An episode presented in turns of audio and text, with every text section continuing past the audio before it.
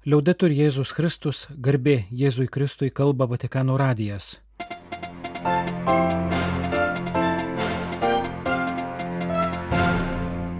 Malonus klausytojai šioje programoje. Popiežiaus audiencijos misijų draugijoms ir Jono 23 bei Paulio 6 kraštiečiams. Užuojautos telegrama po avarijos Indijoje ir patvirtinimas apie kelionę į Mongoliją. Atgailos apėgos prie išniekintų altorių Šventojo Petro bazilikoje. Nauji popiežiškosios mokslo akademijos nariai. Ataskaita apie seksualinius išnaudojimus Ispanijoje. Švenčiausiosios trejybės iškilmė.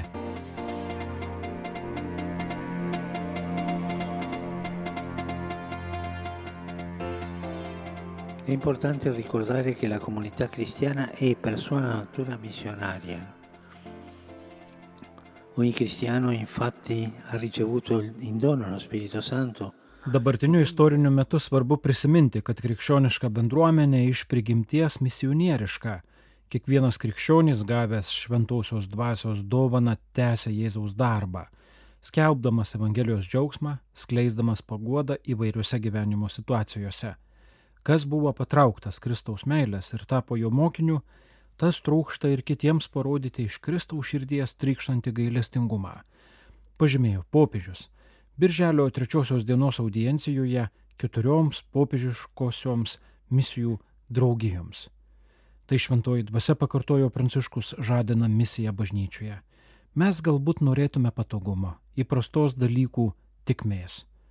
O šventoji dvasia, kaip sėkminio rytą, sutrikdo ankstesnę ramybę, bet tam, kad sukurtų naują harmoniją. Kviečiu Jūs kontempliuoti Jėzaus širdį, kuriai skirta iškelmė minima birželio mėnesį, žvelgdami į jo gailestingąją ir atjaučiančią širdį galime apmastyti popiežiškųjų misijų, draugijų charizmą ir misiją, sakė šventasis tėvas. Jėzaus širdis ir misija Kontempliuodami Jėzaus širdį galime atskleisti Dievo sumanimo žmonijai didybę. Dievas duoda žmonijai savo sūnų, kad niekas neprapultų, kad visi turėtų amžiną į gyvenimą. Perverta nukryžiuotojo širdis yra begalinis Dievo meilės matas. Jis mus myli amžiną meilę ir kviečia būti jo vaikais.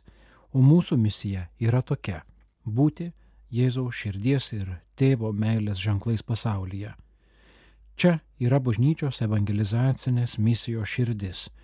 Visiems įteikti begalinės Dievo meilės dovaną, ieškoti visų, priimti visus, siūlyti gyvenimą visiems, nei vieno neišskiriant. Visiems. Tai raktinis žodis, kalbėjo popiežius Pranciškus. Pasak jo, mūsų misija gimsta Jėzų širdyje.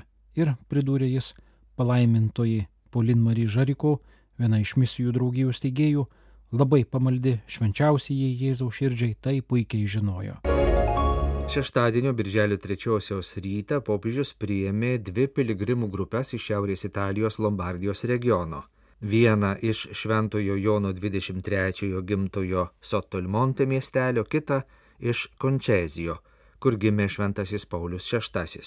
Dviejų šventųjų popiežių kraštiečiai išsirengė į piligrimystę į Romą Jono 23 mirties ir Pauliaus VI išrinkimo 60-ųjų metinių proga.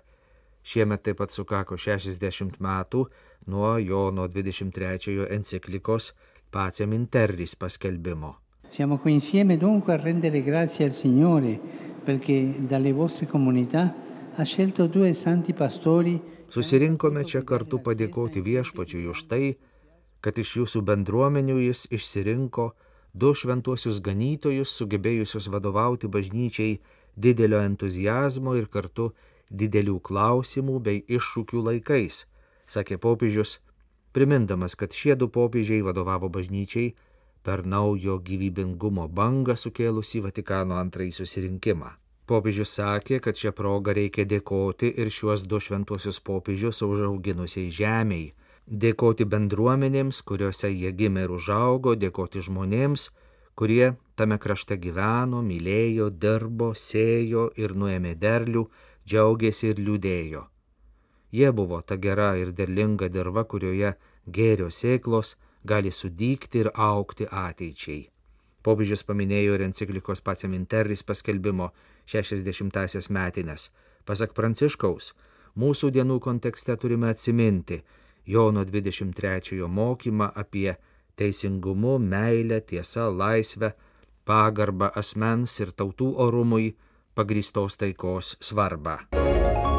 Popiežius Pranciškus, prieėmęs Mongolijos prezidento ir šalies bažnyčios vadovų kvietimą, šių metų rūpiučio 31 rugsėjo 4 dienomis lankysis Mongolijoje. Šeštadienį pranešė Šventojo sosto spaudos salė. Kelionės programa ir įsamesnė informacija bus paskelbta vėliau.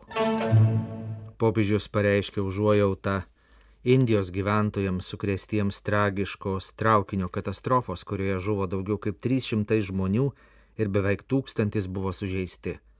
Popiežiaus valstybės sekretorius kardinolas Pietro Parolinas pasiuntė telegramą paštališkajam nuncijui Indijoje ir per jį perdavė popiežiaus užuojautą ir godžiantį palaiminimą.